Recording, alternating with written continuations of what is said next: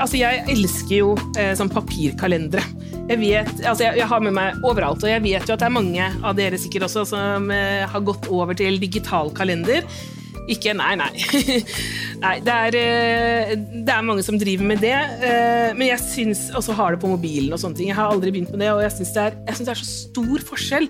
Fordi hvis du har en papirkalender, så kan du på en måte bla liksom fram og tilbake, se uka over ett, eh, klusse ut. Du kan se sporene av hva du har eh, f.eks. avlyst. Det ble veldig mye avlysninger i, i året som gikk, og, og, hele boka er litt sånn, sånn, Men da kan du se hva du egentlig skulle den dagen.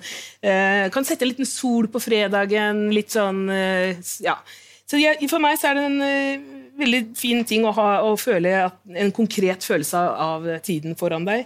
Denne Sommerferien for eksempel, den var veldig sånn klussete. Da var det sånn, Vi skulle jo egentlig være tre uker i, på Kreta. Så ble Kreta plutselig rødt, og da bestemte vi ok, vi tar en uke i Stockholm, og så ble Stockholm plutselig rødt. Så ble det ett døgn i Karlstad. Det var eh, ferien. Og så ser du liksom, Det er litt koselig det å bla tilbake og se hva du skulle gjort. Eh, altså, dette er jo en kalender for feminister, som dere skjønner. Eh, og meningen er å gi folk litt feministisk hverdagsinspirasjon. Det tror jeg vi trenger. Eh, alle feminister trenger det. For det er en ting som har slått meg, og det er jo at når du er feminist, så blir du veldig ofte eh, avkrevd på en måte, Du blir pressa i en forsvarsposisjon. da, Avkrevd svar. Får innmari ofte spørsmål både av journalister, men også andre folk. Men hvorfor er du feminist? Eh, eh, liksom, Hvorfor kaller du deg det? Og så slår, jeg bare tenker, Er det ikke liksom de som ikke kaller seg feminist, som egentlig har et forklaringsproblem? Liksom, Jeg skjønner ikke hvorfor man må uh, presses inn i der hvorfor uh, man, Hvorfor ikke?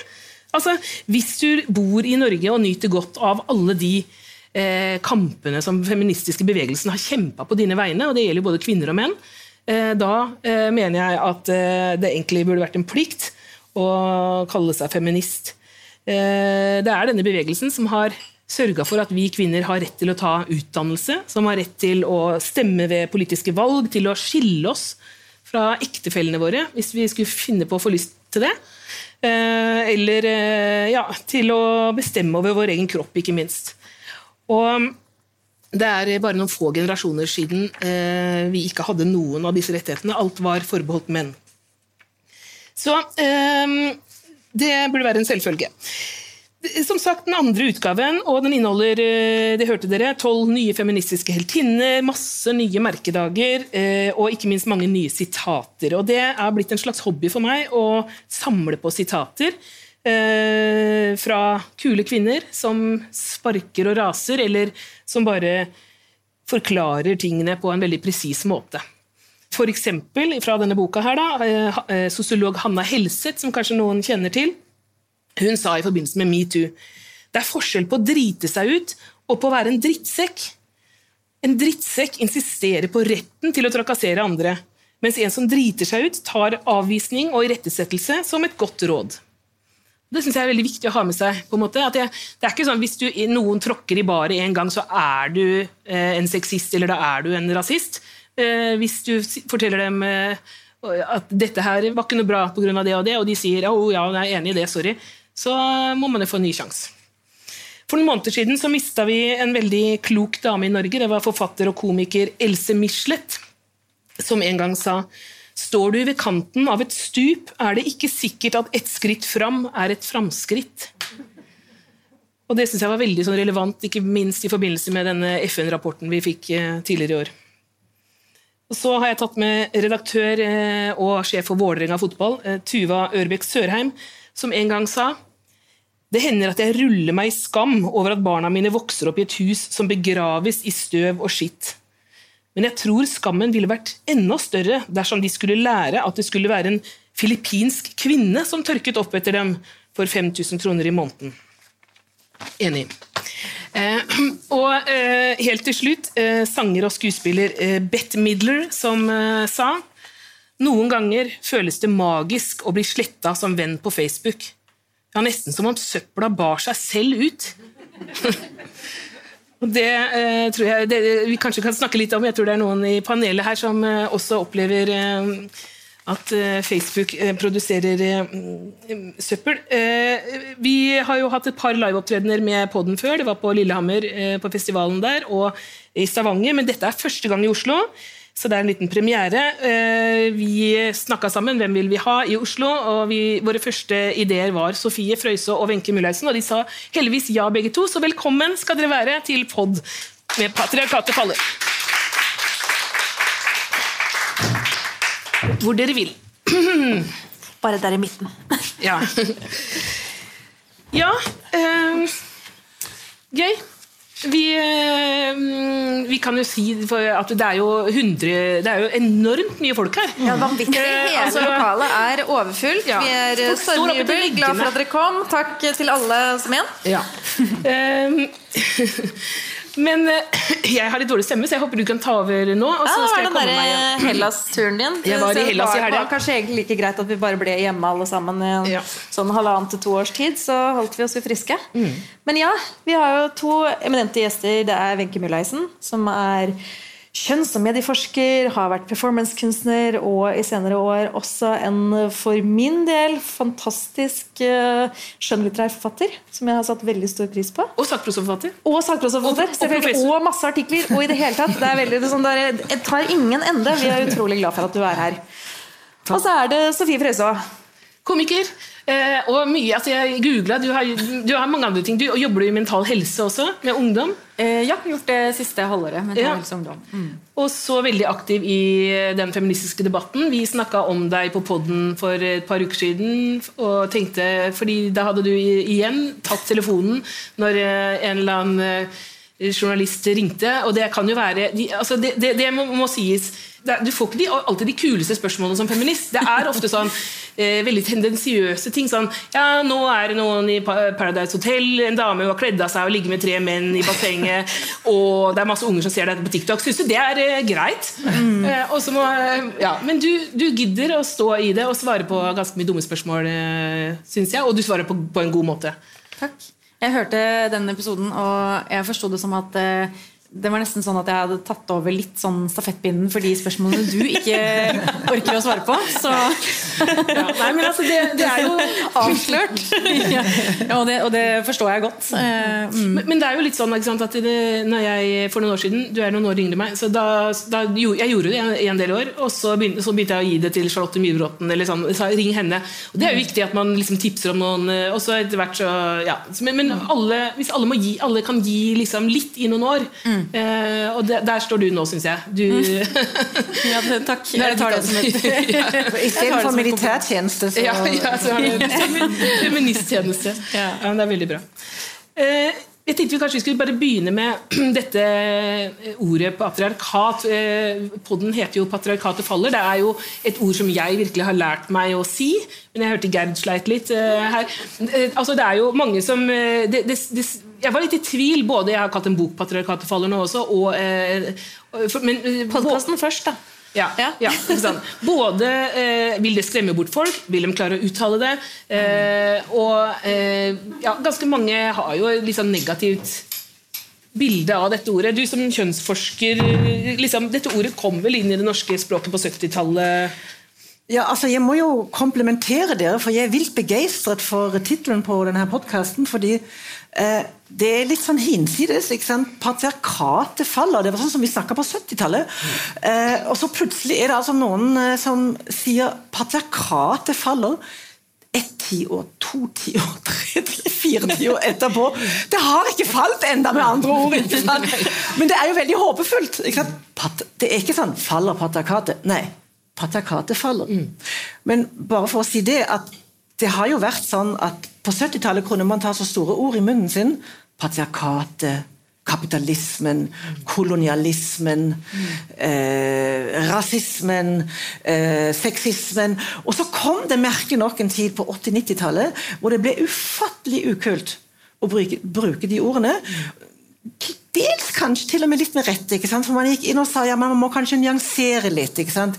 Alle menn er ikke voldtektsforbrytere. ikke sant? Kvinner kan også være drittsekker. Det er ikke bare store strukturer og sånn. Og da falt liksom det ordet litt vekk. Men hvis du ser på statistikkene, og særlig globalt, ikke sant, så må man jo virkelig kunne si at man må våge å ta det ordet i sin munn. For det er en historisk kontinuitet, som det heter, eh, som gjør altså at kvinner rett og slett eh, har mindre rettigheter, er undertrykket, menn har mer makt, mer penger osv. Så, videre. mm. så jeg syns det er eh, håpefullt. Mm. Jeg har jo um, Jeg samla på noen av dine sitater, og det var et som jeg likte så godt, som handla om akkurat det der med språk, hva et sånt ord kan bety for folk. Uh, og det var uh, noe du skrev i Klassekampen en gang. Begreper kan åpne opp, de kan føre til handling. De kan dunke i kroppene våre og gi løfter om at noe annet er mulig. Og det for meg er, altså, er mange ord innenfor feminismen, uh, men patriarkat er et sånt ord som liksom blir som et sånt ekstra par briller. Du bare Oi, nå åpna det, nå skjønte jeg det. Nå skjønte jeg den sammenhengen. Ja. Og så er det litt som å dra trollet ut i sola også. Hvis vi bare lyser på det, så har det kanskje en sjanse for å sprekke. Og det er jo, jeg må jo si hvor utrolig mye folk har blitt provosert av at vi har kalt, uh, kalt podkasten for det. Ingen som har turt å si dette? Jo, jo, det, jeg har fått direkte, og da er det sånn Ja, altså, dere har jo en fantastisk podkast, men kanskje dere skulle ha kalt det for noe litt hyggeligere? og da jeg var sånn Nei, Hvem er det som sier det? Nei, nå skal jeg ikke navngi noen. Nei, men Kommer det fra lyttere som Ja, altså lyttere, men folk som liker det godt. Men, bare at, ja, men kanskje dere får flere lyttere hvis dere bare hadde hatt et litt ja. snillere navn. Sofie, dette sånn. her, jeg leste en artikkel med, med deg hvor du eh, sa at du faktisk mista følgere i sosiale medier når du skrev direkte om feminisme. Riktig. Så fikk du sånne råd Kan du ikke bare ja, eh, kan du ikke bare kalle det likestilling? Mm. Eh, for det er litt snillere. Og, sant? Det er jo nettopp eh, det dere også har opplevd. Mm. At hvis du pakker det inn og gjør det litt mer sexy, mm. eh, så er det flere som kjøper det. Selv om det betyr akkurat det samme. Og det handler jo om bevisstgjøring. Eh, det er jo veldig mange som ikke er klar over at de er feminister. Mm. Du må bare forklare hva det betyr.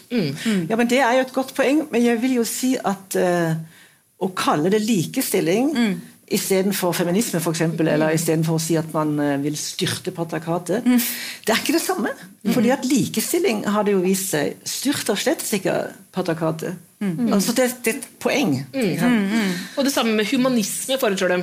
Kan ikke ja. kalle det humanisme? Ja. For jeg får alle, ja. Eller ek, ek, ekvivalisme er det veldig mange unge gutter som har lest seg opp på Peter, Jordan Peterson eller sånn. Kall det ekvivalisme. Mm. Sånn, men selve ordet feminisme da, eh, er jo, det, det peker jo på at det fins mekanismer som gjør at kvinner eh, har mindre definisjonsmakt, f.eks., eh, mm. eller at, er, eh, at, de kommer dårlig ut eh, i et patriarkat. Mm. Eh, og patriarkat, Mange tror at det betyr at man mener at eh, kvinner er vinnerne i samfunnet, og menn Nei, motsatt. At, at, at ja, menn er vinnerne, ja. mm. og at menn alltid er sterkere, liksom, eller, eller, lykkes, og kvinner ikke lykkes. Og så kommer de da Men det, se bare der, og så peker de på noen eksempler på det motsatte. Mm. Men så er det jo på en måte det handler om at det er noen mekanismer eh, i samfunnet som eh, ja, gjør at menn har mer definisjonsmakt da, mm. og har hatt det gjennom historien. Og fordi de også har hatt det gjennom historien, så, eh, så, så det, liksom sånn, det, å forklare begrepene må man jo gjøre igjen og igjen. Og det kan man jo noen ganger tenke faen, fuck det, liksom. Jeg har gjort det i ti år, jeg gidder ikke mer. Så jeg bare sier jeg ekvivalisme, da, liksom. Så, altså, man, man, kan jo nesten bli frista, men man gjør det selvfølgelig ikke. Nei, nei, nei, nei, nei, det blir ikke noe fristelse. Det blir, vi fortsetter. Jeg er veldig glad for at dere ikke har endret navn. At dere ja, bra, står i det. Og jeg er glad for at ikke du har slutta å skrive om feminisme på bloggen. Ja, for det blir jo litt sånn at da må man eh, både eh, ta ansvar for seg selv, og så skal man ta ansvar for alle gutta som eh, falt av lasset. Som var sånn Nei, men dette er ikke noe for meg, så da må vi liksom gjøre det mm. eh, mer tilgjengelig, da. Mm. Og det er jo bare veldig veldig i bakvendtland. Mm. tenker jeg da. Men det er jo i tillegg en slags forklaringsjobb, fordi at noen av de mennene har jo faktisk rett. Det er jo faktisk sånn at uh, det er slett ikke alle menn som er mektige. Det er slett ikke alle mm. menn som har privilegier, mm. eller uh, som bare kan forsyne seg og alt dette her. Mm. Uh, patriarkatet er basert på et hierarki også mellom menn. Mm. Mm. Så patriarkatet er basert på at det skal være noen mektige menn, og så skal det være noen som streber oppover. Og, og, sånn at de har jo på en måte rett. Mm. Det er i deres mm. ytterste interesse at patriarkatet faller. Ja, ikke sant? Mm. Men i, i, og, og, samme, ikke sant? Det med, eh, Når menn da ikke klarer å akseptere feminisme eller ordet patriarkat eh, fordi de eh, har eksempler, eh, enten de er personlige eller, eller eh, folk de kjenner, at menn taper, eh, så er det det samme som at ikke vi skal akseptere at noen snakker om at det er en hvithetsnorm i det norske samfunn. Fordi at jeg kjenner masse hvite som ikke lykkes i det hele tatt. Eller at vi ikke skal liksom, akseptere at det er en heteronorm. Fordi at eh, liksom, Se, det er jo homofile ministre. Altså, mm. det er på en måte en sånn å nekte å se eh, virkeligheten. Og det føler jeg at det er bare en viss type menn som nekter det. da hvite heteroseksuelle menn, liksom. Eh, altså Alle andre har en evne kanskje til å sette seg inn i ja, Ikke alle andre, nei, det var feil. Men du skjønner. Ja, men, I hvert fall et vi- flertall. Vi kan være med på et flertall. Ja, flertall. flertall. Ja. Yes, uh, ja, det var, Da er vi veldig enige om at det er skikkelig bra tittel på podden. Og håper at det er, at det er, jeg er enig i at det er mye håp, da. Jeg håper at det stemmer. Ja, altså jeg, må, jeg må rett og slett eh, si det at uh, navnet på, på podden det har jeg faktisk også stjålet fra et av disse sitatene jeg samler på. Det var uh, min Lisa gamle favorittsanger fra 90-tallet, Lisa Ekdahl. Eh, Som, som sa i et intervju og man, man, Hun er jo ikke så mye synlig lenger, og man tenker at hun liksom ikke er aktiv, men hun er ganske tøff og, og smart i intervjuer. Så sier hun eh, til eh, han som intervjua henne, som eh, var litt gammeldags og stilte henne litt håpløse spørsmål, så sa hun at patriarkatet faller i din levetid, du får bare henge på. så det var liksom bare yes. Men det er, det er godt gjort å, å ta det frem igjen. Men igjen så er det liksom interessant å ha dere to i, som gjester hos oss, fordi at jeg føler at dere er i stor grad representant for hver deres generasjon av akkurat kampen mot patriarkatet. Så, eh, så Wenche, fortell litt om hvor, hvor starta det hen for din del? Og så Ble du født feminist, eller skjedde det noe spennende underveis? Ja, nei, Det er jo en lang historie. Men jeg er da eh, altså jeg er født i 1953. Fylte 68 i går. Gratulerer med dagen. Takk. Eh, sånn at eh, jeg er jo blitt sosialisert inn i en klassisk patriarkalsk kjernefamilie. Med all respekt for mamma og pappa. De kunne ikke hjelpe noe for det, de heller. ikke sant? Sånn at eh, da jeg kom i puberteten, ungdomsårene, så, så hadde jeg så grundig lært hvor urettferdig det føltes å ha denne eh, faren som jo egentlig ikke hadde noe med å fare med enn andre, men som fikk den største koteletten. Og som eh, eh, liksom I familien kunne han styre og bli stor. Litt urettferdig sagt mot pappa, for han var jo en fin fyr også, men det er sant. ikke sant? Og vi trippet litt rundt den. Vi var litt sånn vare på Er han i godt humør i dag? Sånn. Og feminismen kom jo allerede den andre fase, feminismen på 60-tallet, så på en eller annen måte hadde jeg sikkert fått det her med meg. Så da jeg kom i ungdomsårene, og kvinnefronten ble startet, og fikk det liksom med meg, da tente jeg fullstendig. Jeg bare tente, liksom, og skjønte at wow! ikke sant? Det er jo, jeg, jeg fikk et språk for noe jeg kanskje bare emosjonelt nærmest hadde følt. ikke sant? Og så kastet jeg meg over litteraturen og leste Erika Young og alle disse amerikanske, og Doris Lessing. Og, og det var liksom bare sånn wow. Eh, eh, det- var faktisk ganske berusende. Eh, og, og dessuten var det berusende fordi at det, jeg var ikke alene om det. liksom, ikke? Det var liksom flere. Og så, Det tror jeg også var veldig viktig, fordi at når, når du er i puberteten og når du er ung, så er det seksuelle veldig viktig. Eller for mange, i hvert fall. Og det var det for meg også. Og jeg liksom hadde en sånn glede av å oppdage seksualiteten. Og så skjønte jeg veldig tidlig og tydelig, for det var så tydelig, sant, at jeg måtte være forsiktig. Og at eh, det gutter kunne tillate seg, det var utelukket for meg. Og jeg opplevde det som en sånn elementær eksistensiell urettferdighet. Eh, fordi det finnes jo ikke noe viktigere enn tilknytning og kjærlighet og seksualitet når du er ung. Eh, og det var så ulike regler, og det hadde så store konsekvenser. Jeg mener, Selvbestemt abort fantes ikke. ikke sant? Eh, ja, det var altså noen rammer. Så, så eh, jeg ble rett og slett tent på feminisme, tror jeg. Jeg vil si jeg ble erotisk tent på feminisme. Jeg tror det er en ligning for meg òg. Sofie? Ja, Det er jo fascinerende å høre deg fortelle, fordi at jeg har jo en helt annen oppvekst. Eh, For jeg har vokst opp med to mødre. Eh, Sånn at eh, det var ingen som fikk noen større kotelett der. Spiste Så det faktisk er bare grønnsaker. Er det mulig?!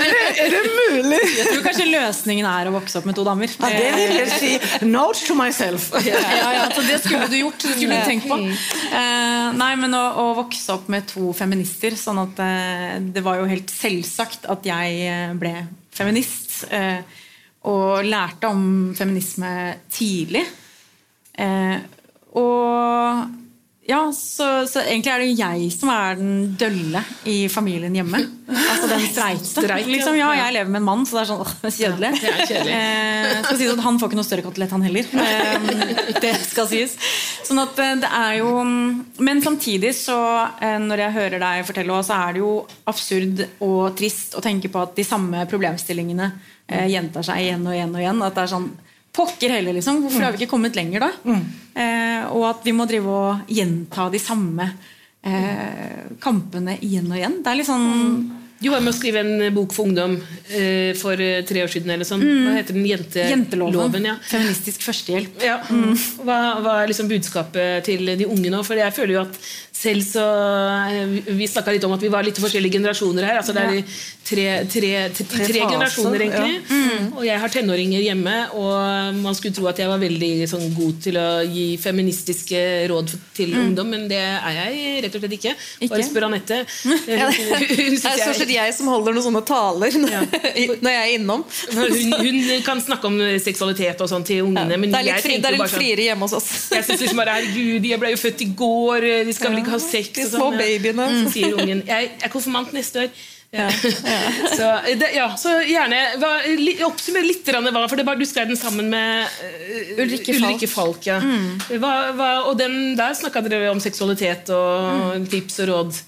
Ja, eh, det er jo for jenter primært eh, eh, altså 11 til 15, liksom. Eh, og gjerne yngre og eldre også. Men eh, der er de tre hovedfokusene kropp, sex og skole.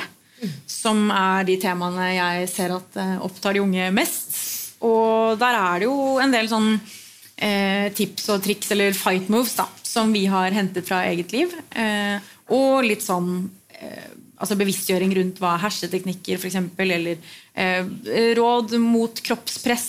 Eh, mm, ja, det er flere temaer som, som, eh, som opptar de unge, men som, ja, som er liksom disse evige problemstillingene. Da, mm. som, eh, som vi har prøvd å tilgjengeliggjøre da, til de unge. Da. Jeg tenker noen, for at Du sa eh, at noe av det du eh, forteller, er jo evige forteller, det, Dette at det er forskjellige regler for gutter og jenter. sant? Det er jo en sånn evig ting. Men så forandrer jo noe seg også med for det, sånn som pornoen er i dag. Ja. Det var jo noe som dere på en måte slapp unna litt, at det var porno overalt eh, hele tiden fra du er eh, veldig liten omtrent. Ja. Altså, eh, Det var i hvert fall ikke et tastetrykk unna. Nei, men det var ganske nært. Det, var jo, altså det du kan si, det er at det som er interessant, er jo at, eh, at det er så lett tilgjengelig, selvfølgelig, som det absolutt ikke var den gang. Men det, er, det som er overraskende, det er at etter det vi trodde var en seksuell revolusjon, og det vi også trodde var en feministisk seksuell revolusjon, så er det fremdeles sånn at det pornografiske språket er mainstream-språket. Og det er jo helt vilt. Ikke sant? Men, men jeg kommer bare sånn i tanker når du sier om hva som uh, unge kvinner, uh, unge jenter, unge kvinner er opptatt av, og eventuelt liksom var vi da vi var unge var opptatt av, så er det jo et, altså en, en, en slags Det må være en så stor forskjell, tenker jeg, og som du delvis har opplevd, som har vokst opp med to feministiske mødre. Og, og vokst opp i tiden etter 70-tallet, hvor vi har fått likestillingsloven, og hvor vi har fått mange lover og rettigheter. At noe sånn, for at vi var jo opp, Det høres jo helt dinosaurisk ut, men vi var altså opptatt av helt grunnleggende ting som jo feministene altså Først var det de som kjempet for stemmerett, og at kvinner i det hele tatt kunne ha eiendom. At de i det hele tatt fikk utdanning, at de i det hele tatt fikk jobbe. altså Utføre en profesjon, en, en, en jobb. Eh, og så eh, at de kunne delta i makt og politikk. sånn at det er derfor jeg tenker det er så fint at man, sånn som du Martha, mye gjør i bøkene dine, at du, og dere i podkast, at, at dere bevisstgjør at de rettighetene som bare ligger der nå Det er et nanosekund siden mm. de fantes der. Og det uhyggelige som vi jo ser i Europa, Ungarn og Polen og andre steder, og dessuten andre steder i verden, så vi så, det er jo at enten finnes ikke ennå i det hele tatt, eller så kan de liksom mm, bli borte. Ja. Ikke sant? Og det å skjønne altså jeg tenker at det å for, for veldig mye av feminismen har på mange måter kanskje handlet om kropp og holdninger og seksualitet og følelser og sånn. Og det tror jeg er kjempeviktig, fordi at det det sier meg, det er at det er lettere å endre en lov. Altså Det er faktisk lettere å innføre nye rettigheter enn å endre de veldig dyptliggende um, strukturene som går på følelser, affekt, holdninger, som vi faktisk er delaktige i. altså. Og, og, og, det er derfor seksualitet alltid kommer tilbake, tror jeg. For der ligger det så dypt. For det er jo der det er der skriptet ligger, der ligger også spillet, der ligger lysten. Det er bare sånn det er. ikke sant? Og det er ikke noe som um, man kan ta vekk sånn. Så, så, så, det er interessant at det er alltid det kroppslige, det helt nære, det kommer tilbake til. Liksom, for det, det er akkurat som patriarkatet ligger i kroppen. si det sånn. Ja. ja, men det er jo den skamfølelsen som fortsatt er der. Altså Selv i 2021 så er det jo spesielt forskjellen på guttene og jentene. Mm. At Det er fortsatt akkurat som om jentene har mer å skamme seg for. Mm. Og Det, det syns jeg er så uforståelig, det der liksom at vi er der enda. Ja. At, liksom, at kroppen til jentene er liksom så mye så, Altså guttene òg det, det, utvikler seg jo, men at det fortsatt er et element av skam. Mm. Og Det har vi ikke greid å fjerne enda. Nei, og at kroppen fortsatt er til forhandling hele tiden. Og at uh, dette narrativet uh, lever i verste velgående. At uh, kvinner er objekter og mannen er subjektet. Og det er jo, det er jo noe som, som, er høyst relevant i dag. Da.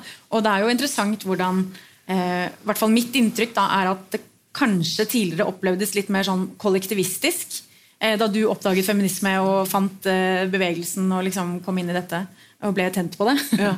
Mens nå oppleves det mer individualistisk. Da. Du sa jo det innledningsvis. Eh, veldig mange som spør hva, hva betyr å være feminist. Mm. Og jeg får jo ofte spørsmål hva er feminisme for deg? Mm. Hvor jeg alltid må liksom korrigere og si sånn Nei, men eh, feminisme er dette og dette. En ideologi. Hva det betyr for meg. Det, liksom også, eh, det har blitt veldig sånn eh, ja, individualistisk, og selvfølgelig digitalt, da, men at det, jeg vet ikke om begrepet også kan blir vannet ut, eller at det blir liksom sånn Ja, du nikker, du skjønner hva jeg mener. Ja, ja. Mm. ja nei, altså dette med nå er, det så, nå er jo mange tråder her, det er veldig gøy. Ja. Men jeg tenker på dette med, med skam og, og, unge, for du, du, reiser litt rundt og møter mm. unge og sånn. Mm. Eh, og så tenker jeg på eh, Og vi var liksom inne på dette med pornoen, og den er jo liksom eh, veldig fra, det, fra manns perspektiv. Mm. Eh, jeg har også reist litt rundt faktisk på videregående og snakka om det ene og det andre, men det har alltid vært når det handla om porno, at det har blitt hetest temperatur. altså Ikke i erotisk, men negativ eh, forstand. Eh, altså sinte gutter. De mm. blir sinte fordi jeg har dissa porno. Eh, ja, altså, men den derre uviljen også fra foreldresiden å mm. adressere det at barna deres uh, ser og bruker porno. For det er kleint. Ja, ja men det er jo så uh, Vi hadde en samtale nå kom jeg sånn uh, mine barn på skole uh, idet sønnen min gikk i Da gikk han vel i sjette eller syvende klasse. Og da skulle vi snakke om alkohol. Da var det veldig viktig å snakke om alkohol og rus. Det var veldig viktig å forberede både foreldre og alle på rus. Og Hvorpå jeg rakk opp hånda og så sa jeg, og syns jeg godt vi skal snakke om porno også. Det ble stille. Bare taus. Og det er sånn Nei, det er litt tidlig. Jeg bare De får smartphones når de er hva da, seks nå? Det er jo Pun intended. Mm. Så det er uh... Jeg er en av de som blir helt stille da. Ja, bare, Mine barn ser i hvert fall ikke på porno. Nei, men pornopraten må, Folk må ta pornopraten. De må ta det både i klasserommet og de må ta det med ungene sine. For det er faktisk ganske vesentlig hvilket grunnlag de legger for hvordan sex oppfattes seinere. Absolutt. Ja. Så det kan jeg godt være forspråker for. for snakke høyt om. Hvis jeg kan bare nå hoppe vi litt, men det er bare så, jeg syns det er veldig spennende det du sa angående den eller at uh, det, det, blir så individualisert. Mm. fordi at hvis vi skal tenke litt på forskjellen mellom uh, min generasjon feminister og din generasjon feminister, så tror jeg veldig mye ligger der. Uh, fordi at 70-tallsfeminismen, i hvert fall 70-tallsfeminismen, var jo en utopisk feminisme. Det var en feminisme som var veldig kollektivt rettet. Mm. som var um, den så eh, kvinneundertrykkelsen, men også mannsundertrykkelsen, eller barneundertrykkelsen, som en del av kapitalismen. Av, altså av, av de store systemene som fremdeles eksisterer.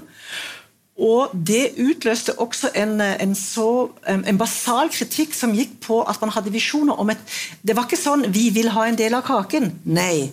Vi vil bake en helt annen kake. En helt ny kake. Eh, vi vet ikke enda hvordan den skal se ut, men det var derfor det var fantasier og forsøk med nye samlivsformer, som dine foreldre da tydeligvis realiserte. Nye boformer. Eh, eh, som du realiserte. som jeg realiserte. altså, man tenkte at ja, men hva om arbeiderne eier fabrikken? Eller hva om sekstimersdag? Eller hva om altså Alle disse grunnleggende spørsmålene som på en måte har blitt litt borte. Mm. Og da er det sånn Ja, hva er din feminisme? Ja, min feminisme. ikke sant? Altså, ikke sant? Eh, eh, det er at kvinner skal eie like mye aksjer som menn.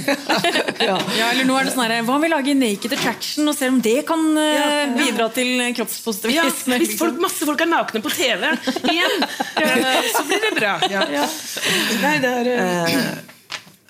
Men altså, apropos porno, det er jo vanskelig å snakke om porno. Det er det.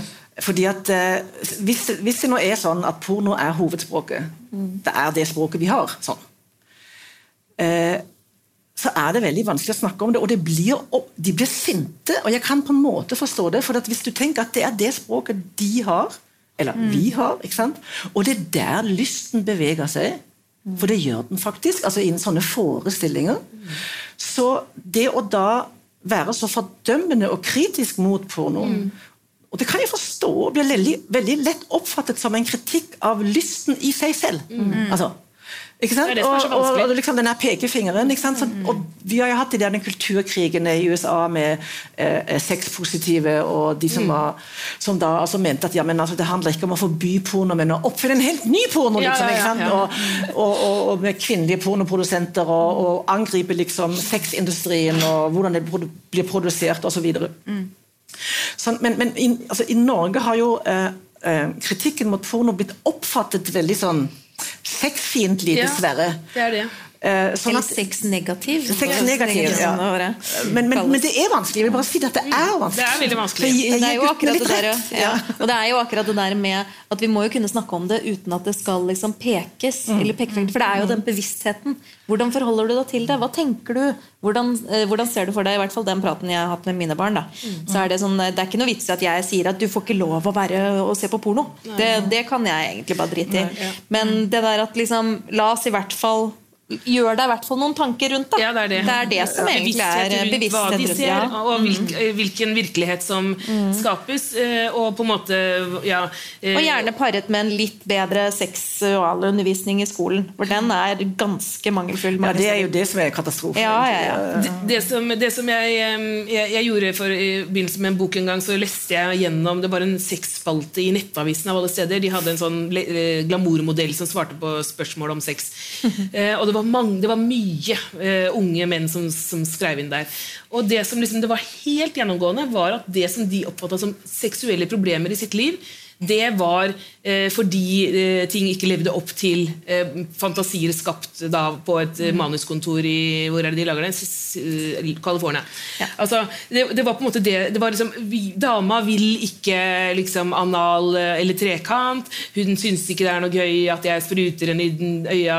Eller, liksom, og, og, og, bare sånn, sånn der. Og, kan, og hun, hun, vil ikke Kan jeg Hva skal jeg gjøre for å overtale henne? Vel mye på, på det. liksom, og, som går, og så er svarene er liksom litt sånn for de var så sexpositive, de svarene. ikke sant? Som var sånn eh, Ja, men det er jo bare å prøve seg fram. Og, Kommunikasjon er det viktigste. Ja, bare prøv, prøv, liksom, prøv. Hva faen, er, liksom, Hvorfor skal alle pule i rumpa liksom, hvis ikke de har lyst?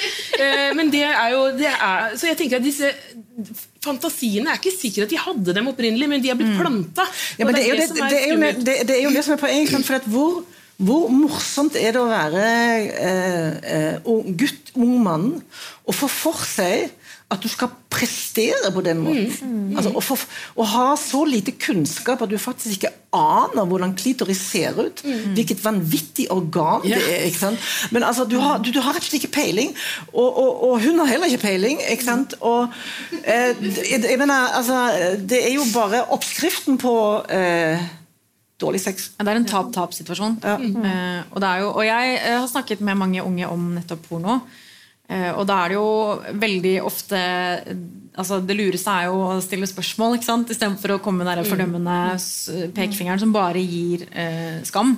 Ikke sant? Eh, for det er jo litt som du sier at da skammer du deg eh, over at du ser på porno, og kanskje du likte det til og med. Eh, og det er feil. Så er det jo veldig mm, Jeg opplever at eh, unge har veldig mange sånn interessante og fine betraktninger om det, og at de veldig ofte er klar over hva som er feil, eh, og hva som er eh, eh, undertrykkende, og hvordan disse narrativene liksom opprettholdes. og og at eh, veldig mange unge gutter syns jo selv at det er problematisk, og at de må leve opp til denne mannsrollen. da, Om å være liksom stor og sterk. Og det er jo flere og flere gutter nå som tar til orde for at eh, kjønnsrollene er veldig begrensende og, eh, og eh, ja, smale, da. Disse kategoriene og, Ja, det, og båsene. det, det, og, dette har jo virkelig liksom blitt en bølge som, eh, som eh, om, ikke det er liksom altså, Transbevegelsen er bare en liten del av det. Men så har du alle disse unge som finner på nye legninger annenhver uke. Så vi må prøve å henge på. For det er masse nye Ja, ord, da. ja, og det er jo det er mye å sette seg inn i. Men det er jo Men det er egentlig bare positivt, for Ja, det det, betyr fint. at de leker med, Ja. med roller og seksualitet, og at de har en åpenhet, at de faktisk tør å snakke med hverandre om det og vise det Mm. for verden. Ja, Det eneste som er sånn, uten å utlevere noen, så vil jeg bare si at jeg synes at det, det som er så pussig, er jeg syns jo at å, endelig kan vi ha åpenhet, og alle kan få lov å være der på skalaen hvor de har lyst til å være, og må vi liksom sette ting i bås. Og så finner jeg at ungdommen i dag de lager mindre og mindre båser. De vil bare finne akkurat sin bås akkurat der hvor de passer inn. Og det er det eneste som jeg kan bli litt, Ja, litt for bekymra for, altså. Nå snakker vi jo litt om Jeg tror ikke dette er ø, alle unger i Norge, men Nei, nei, nei. Litt, vi, litt i det miljøet vi er i, da. eh, som er i storby og sånn. Men da mener du f.eks. sånn at man plutselig skal være eh, Du skal vite akkurat hva ja, du er. Du skal være, Mm. Du skal ikke være liksom- pan, det er Ja. gammelt nytt. Det er noe nyere nå. Ja, Omni. omni. Omni. Ja. Ja. men men tenker du da at det er eh, begrensende fordi Nei, det er jo ikke det. Fordi du, altså, det, tvinger deg til å måtte ta stilling til hva du er? At, at det er, Når du er 13-14 år, kanskje, så skal Ja. du vite hvilken legning du er. Du har ikke hatt sex engang, og så skal Mm. du vite det. Og da tenker jeg kanskje det kan være skummelt å komme ut av skapet på nytt. da Hvis Mm. du fant ut at jeg var ikke det likevel. Ja, det, det det, det, Dette er spennende, og det er veldig problematisk. Fordi at, eh, altså, Jeg har jo vært litt opptatt av sånn skeiv teori, og, og som på en måte, hvis du skal si det veldig enkelt, har vært opptatt av å nettopp se hvor begrensende den kjønnsbinariteten er. ikke sant? Og for, for, for kvinner og menn og alle de som er imellom. Og hvor, eh, hvor stort potensial det ligger i å, i å på en måte åpne opp de boksene, og så plutselig så er det som dere sier, bare wow! Det kommer masse nye Men altså, kanskje det positive er det kommer masse nye, ikke, ikke én eller to, bare. Og så tenker jeg også at eh, tenker jeg, Ja, ok. eh, det er litt skremmende at eh, man på en måte får en sånn veldig liten boks som skal definere hele ditt vesen, ditt indre og ditt repertoar og, og dine muligheter.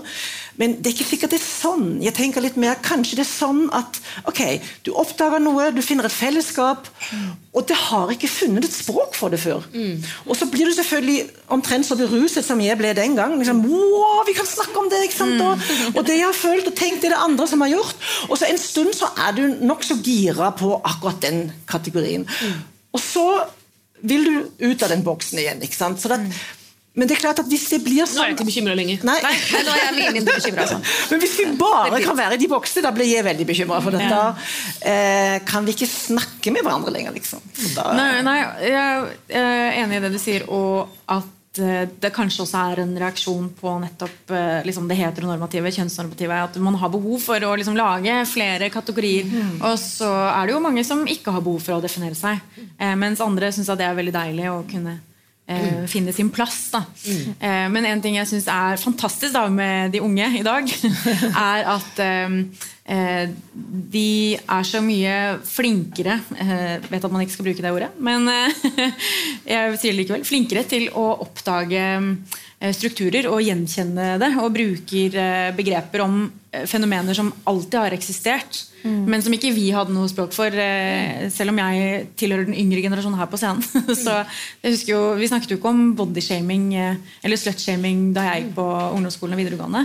Mm, Selv om det selvfølgelig foregikk da òg. Men, men jeg opplever at unge i dag er mye flinkere til å liksom gjenkjenne det kjapt. da. Fact-shaming. Ja. Ja, det, det, det, ja. Bodypositivisme også, liksom. og At det, det er jo ja. Språk er så viktig språk. Ja. sant? Eh, ja, ja. For alle variantene av rasisme. De vet akkurat hvilken Ja, ja. type det er, og, og hvordan de skal peke på det. Ja, og og si. hvorfor det er problematisk. Ja. Eh, og at det er jo en helt annen bevissthet nå. Eh, altså bare på TikTok. Jeg har aldri lastet ned TikTok, så jeg, har ikke, jeg, jeg føler at det er liksom en øvrig aldersgrense. Jeg er forbi den. Eh, men at jeg ser jo at det er veldig mye bra som deles der også. Mm. og det er jo fordelen med at disse kampene blir liksom digitalisert også. Det er jo, nå slår jeg en vid åpen dør her, men likevel, da. Ja, nei, men eh, det, det, det ble det, Nå ble jeg egentlig litt uh, Så egentlig så kan vi konkludere med at the kids are all right. Ja, the kids are all right. yeah. ja. Og, og, og det der uh, som du da uh, snakker om som har skjedd med barna, det har jo også skjedd eh, i, med oss eldre. Jeg, opplever at eh, på de, eh, Siden jeg skrev liksom den første boka som hadde feminist i tittelen eh, for syv-åtte år siden, eh, så syns jeg at på de årene For da var jeg sånn feministisk deprimert. For jeg tenkte at det er jo faen meg ingen som er interessert i det her. Og sånn Og, så, og liksom, hvorfor er det ingen som har tatt opp ballen etter mødregenerasjonen? Og sånn Og så, så, mens jeg skrev den, så så jeg oi faen, her, nå skjer det noe. Og det var jo grunn av eh, at vi fikk et regjeringsskifte her i landet uh, som ville tukle med abortloven og, og fjerne pappaperm. Og alt det der. holde på. Men, men, men det skjedde jo masse ting også i mange andre land. For det var jo ikke bare i Norge at denne bevegelsen altså Plutselig så fikk du en ny feministisk bevegelse. Eh, og det husker jeg, altså Folk snakka jo om at det var en bølge på 90-tallet. Det, det, det, det bølgegreiene tror jeg vi egentlig er i ferd nesten med å gå bort fra det bølgepratet. For det er så mange feminister som er lei av og de sier at det her er, er, stemmer jo liksom ikke egentlig med historien. Det er en sånn forenkling av historien. da. Men eh, det har funka veldig godt å snakke om den første bølgen. For at det var liksom eh, de første damene som begynte med dette. Og så funka det også veldig bra å snakke om den andre på 70-tallet. Eh, og den også internasjonalt så passer det veldig godt med de to. Om, sånn. Men hva som egentlig har skjedd etter det, det, er, eh, det varierer fra land til land og miljø til miljø. Og, og den tredje bølgen som de snakka om, som på en måte var eh, Du var jo egentlig en del av den også, da, fordi det handla mye om feminisme i akademia, og, og også om be, be, begrepsutvidelse eh, med Judith Butler og mange andre mye ting, tanker som foregikk. Men og så snakka vi om den der råtekstmiljøet i 99 der også, men tri bølge, det, det var ikke noen bølge. Jeg var midt oppi det, og det var definitivt ingen bølge. Det var sånn som du sier, det var pur individualisme. Det var ingen sånn samle seg bak noe felles. Det var bare sånn, Jeg forteller litt om meg, og du forteller litt om deg. Og så vil vi ikke ha felles banner, og ingen vil gå i tog. Det var ingenting sånn felles. Men alle vil gjerne være i avisa. Alle vil i avisa. Neida, det var et fantastisk eh, eh, miljø. sånn sett Masse bra damer som turte å snakke om feminisme når det ikke var populært. Eh, så det var en kul ting. Men, men liksom at 90-tallet skulle ha vært en bølge, selv om du hadde liksom Fitz-team i Sverige, det er jeg ikke med på. Men, eh, men så det som skjedde da fra 2014 her i Norge, når det plutselig Youngstorget var pakka med 10 000 mennesker som viste fingeren til eh, og engasjerte seg i abortloven, det var, eh, det var starten på den bølgen som vi er i nå. Og på, i løpet av de åra så har ordforrådet Eh, altså jeg følte meg som litt sånn smart jeg, på, eh, i 2014, fordi jeg hadde lest tre bøker fra 70-tallet. Liksom. Eh, og så bare, Nå er det bare sånn Shit, folk kan mye om dette her. Om interseksjonalitet, og om alle nivåene av eh, diskriminering. Og, og, og Black Lives Matter hjalp jo bare enda mer. Du får liksom disse parallellene. Ja, men det, det, er litt det poenget med digitaliseringen, som gjorde det mulig at du kan få bevegelser med en sånn momentan nesten spredning, som jo ikke var mulig før, sånn som metoo, jeg mener, hallo, ikke sant? eller Black Lives Matter, eh, som Det skjer globalt og samtidig, eh, og, og da blir det en sånn massiv bevisstgjøring med, med, med en ny språkliggjøring. og, og så det skjer så fort. Eh, Ja, det, det er helt eh, rart at det skjer så fort, og at det som på en måte var nesten og, nytenkende og litt sånn fresht eh, for fire år siden, er nå helt sånn ja, mainstream. Alle bare ja, driver med det der ennå. Ja, så det litt- old news, liksom. Ja, old news. Men, men det som er, nå har vi vært positive, da, men eh, alle disse bølgene får jo en backlash. Eh, 1880-åra i Norge, det, det var liksom eh, når vi fikk Kvinnesaksforeningen og vi fikk Skuld, eh, så fikk du backlash i 1890-åra. Det var virkelig, altså. Eh, 70-åra, du har allerede nevnt, eh, kom en backlash. 80-tallet særlig, og også varte jo helt ut på 90-tallet. Eh, så hva blir altså? Vi, vi allerede, Det er jo en backlash allerede. De sier jo det at det er eh, i, og i 2020, første året siden de begynte å måle det, at LHBT-rettigheter går bakover i verden.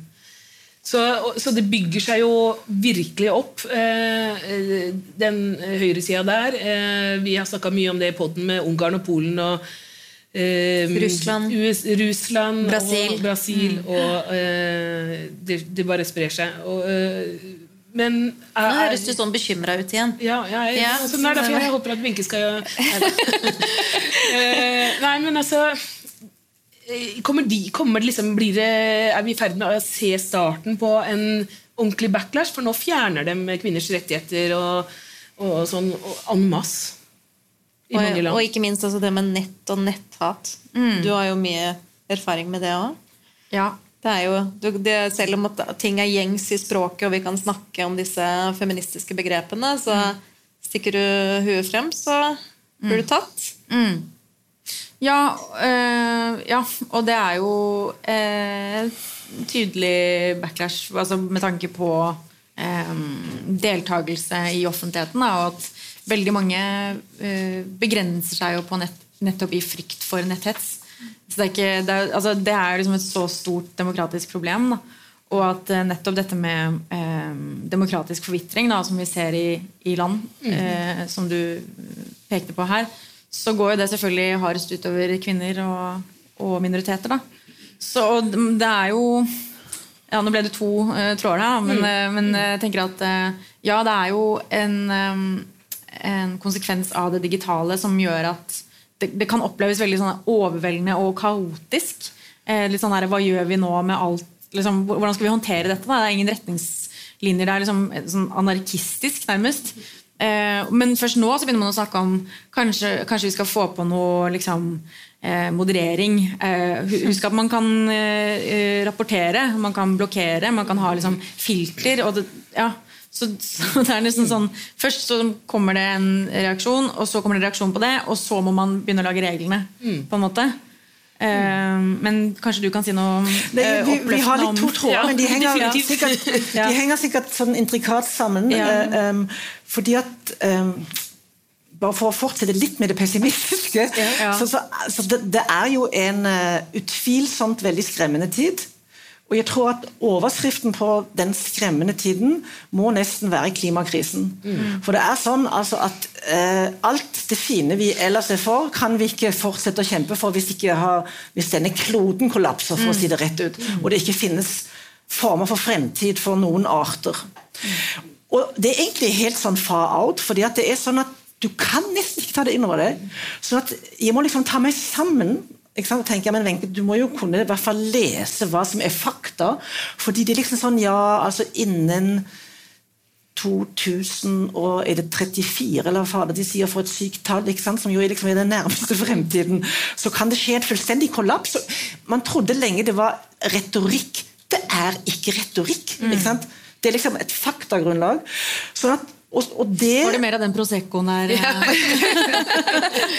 men altså, det sammen, det, det sammen med den denne egentlig kapitalismekrisen vi er i, ikke sant? hvor du får altså mer og mer eh, totalitære regimer, og hvor altså egentlig Trump og det som skjedde i USA, var en del av det. Det er veldig dystopisk. Men på samme tid, fordi at jeg eh, er et så optimistisk, grunnleggende optimistisk vesen, så tenker jeg men dette er jo en sjanse til å knytte systemkritikken opp mot disse store tankene ikke sant? Altså, eh, eh, jeg, jeg, jeg var i Berlin, og da var jeg på eh, klimastreik foran Reichstag eh, sammen med Greta Thunberg som holdt tale. ikke sant? Og det var bare sånn wow! For at vi danset liksom feministisk eh, klimapunk, forstår du? Og det var liksom babyer og bestefedre, og det var titusener av mennesker. og hvor du skjønner at alt dette her kan knyttes sammen mm. i sånne former for allianser. Mm. Uh, og der er jo digitaliseringen håpet, på en måte. Mm. At du, det kan bli veldig slagkraftig. Men jeg, jeg, jeg, tror det er noen veldig avgjørende år vi har foran oss. altså Eh, Nesten, jeg vil si sånne, Det er et veldig stort ord, men altså sivilisasjonskrig. Altså hvor, det, hvor du vet eh, Margaret Atwood som jeg elsker. Same. Ikke sant? Hun, skriver, hun, sier det jo selv, hun skriver ikke science fiction. Alt det hun skriver er basert på det som allerede finnes. Det er derfor det er så fantastisk. Og hun har jo denne fantastiske serien som startet med Oryx and Craigs, som er en sånn triologi som beskriver egentlig det som skjer nå. Mm. Altså At du, du, får de rike som rotter seg sammen ikke sant? og som forsøker nærmest å lage sånne fort som er basert på sånne eh, eh, kapitalistiske syndikater. ikke sant? Og så har du på en måte the wastelands. ikke sant? Deler av verden hvor det er altså klimamessig fullstendig ødeleggelse. Eh, ja, nå har vi Proseccoen, det er bra. Eh, så, eh, sånn at hva var jeg skulle si? Eh, nå kom falt jeg litt du, du, du, var, var, Jeg var så innmari glad for den, eh, for du tok den der overgangen med å både uh, binde, binde dette digitale sammen, og der ligger håpet òg. At mm. vi kan knytte sammen, for det er de samme folka som brenner for feminisme, som brenner for klima. Ja. Og det er de samme folka som er motstandere av begge deler. Ja, og det er det ikke sant, som jeg for eksempel til Judith Butler, som du nevnte, sånn for. Mm. fordi at hun ikke sant, som jo startet, startet veldig med det skeive og seksualitet og, og, og, og minoritets Eh, minoriteters rettigheter. Hun eh, eh, hun har jo på en måte beveget seg ikke bort fra det på noen måte, men som en sånn ekstremt sterk talskvinne for at identitetspolitikken, disse boksene vi snakket om, mm. ikke må ødelegge for at vi nå må skape de store alliansene. Ja. Mm. Uh, uh, for det er det vi skal nå. Det er det vi skal nå. Ja. Oh, det er det vi skal nå. Nå kjente jeg er veldig glad for at du tok det bokstavelig òg. Men nå har vi faktisk grunn til å skåle, kjente jeg. Nå kjente jeg at jeg ble optimistisk sånn Internett er jo svaret. Altså, det er jo nettopp disse bølgene at det sprer seg så fort. Mm. Eh, og at det er eh, flere revolusjoner som pågår, og at vi mm. alle kan eh, delta. Og at det går så, ja, det går så fort. da mm. Og ikke minst at vi må oppdra noen gode aksjonister. Så vi må bare huske på det, vi som har barn, i hvert fall. Ja. Ja, sånn det er, det, for det er jo rett og slett uh, det som er framtiden. Og å bygge disse alliansene. De fins der jo, men, mm. men og, og, man merker jo noen ganger, som du sier, når, du, når man står der i en sånn folkemengde, og, og det er enten det er et klimabrøl eller en Trump uh, Women's March eller, mm. eller disse enorme da, demonstrasjonene som Vi snakka om denne i India, som var for to år siden, når fem millioner kvinner i India mm. står ved siden av hverandre ja, og demonstrerer demonstrerer for uh, kvinners rettigheter. Mm. Kunne jo aldri skjedd hvis ikke det var for sosiale medier. De har jo uh, funnet hverandre på den måten. Ja. Så det er jo det at eh, ok, vi har klart faktisk å samle Eh, hva var det, seks millioner kvinner eller sånn som gikk i Women's March bare i USA. og mm. enda flere. Så vi, vi, har, vi, klarer det. Det er bare at vi har fremdeles liksom ikke tatt den hvor, eh, hvor vi liksom marsjerer opp og river ned disse, her, eh, disse eh, store bedriftene som, eh, mm. som ødelegger. Eh, altså, det liksom den der, jeg føler at det er der det mangler nå. Å bare være liksom ta, ja, revolusjon. Jeg vokste opp i ML. Og så er det jo håpefullt, fordi vi har jo vært og reist ganske mye. Martha har jo reist mye med Kvinnekamp, og jeg reiser jo litt rundt og selger bøker i utlandet. Det er jo Når du kommer til disse stedene hvor disse sterke mennene har eh, sitter på makta og patriarkatet lever i beste velgående, mm. så er det enormt mye aktivisme. Mm. Og vi møter jo altså, aktivisme. aktivisme. Det er mye bevegelser. Så altså, selv i Russland er det mennesker som trosser og går i tog og mm. sier ifra. I Polen er det en stor undergrunnsbevegelse når det kommer til eh, det med abort og abortkamp. Mm. Eh, Brasil, som du besøkte, selv der var det plenty eh, aktivitet. Masse aktivisme, men, den, men, selvfølgelig når disse lederne blir så mektige at mm. de eh, Så kan man jo eh, Så skremmes man jo inn. Du risikerer mye? De, ja, de, man mm. risikerer mye. Og, og det, det, kan man gjøre til en viss grad, men så plutselig så bikker det i en del av disse landene med, med Erdogan eh, og, altså Når folk begynner å forsvinne og ikke blir borte. Da, da, så, så det er jo et, eh, en grense for hvor uh, udemo, eller, uh, demokratisk et land kan bli før folk ikke demonstrerer lenger. Men det er jo da det er viktig at man uh, gjør det på vegne av hverandre. da. Ja, at vi er med og Det ble et mye viktigere samtale. Det ble Vi skulle snakke om overgangsalder. Vi Vi. skulle snakke om hetetokter! Vi skulle komme over snakke. Kan vi ikke bare si at jordkloden er er Jordkloden Ja, er overgangsalder. overgangsalderen. Ja, det- den er overopphetet! Ja, det er, eh, på moder jord. ja, for da tror jeg rett og slett vi har holdt på vi, har nok, vi har nok gått over tida. Men eh, jeg syns det var utrolig jeg, jeg, det, gikk ikke den veien i det hele tatt som vi hadde trodd. Nei, sånn men er det med jeg den synes det ble viktigere, liksom. Ja. Ja, Ja. Jeg prøvde veldig at vi skulle snakke mer om porno, men så kom liksom det, det, mye, Alt blei veldig stort. Men jeg syns det var nydelig. Ja. Eh, og jeg blei faktisk litt optimistisk. Jeg fikk lyst til å gå hjem og liksom, uh, lage noen aksjoner på kryss og tvers. Ja, samme her. Ja, men da gjør da vi det. vi- men-. I, i, og, altså, det er jo eh, 8. mars i fjor ble jo mer eller mindre avlyst. På grunn av eh, det vi ikke nevner med ord. Eh, men eh, det er jo ikke så lenge igjen til eh, 8. mars. Og da tenker jeg liksom at kanskje vi skal, nå som vi er på lufta her og har masse, skal vi gå for at liksom 8. mars i eh, Oslo eh, 2022? 2022 blir den største ever. Det er ikke så mye vi skulle altså det er, det var, jeg, tror tallet er sånn 14 000-15 000 på, på det som man ser som, på som maks. da. Det kan vi slå. Det kan vi slå. Ja. Ja. Vi satser på det.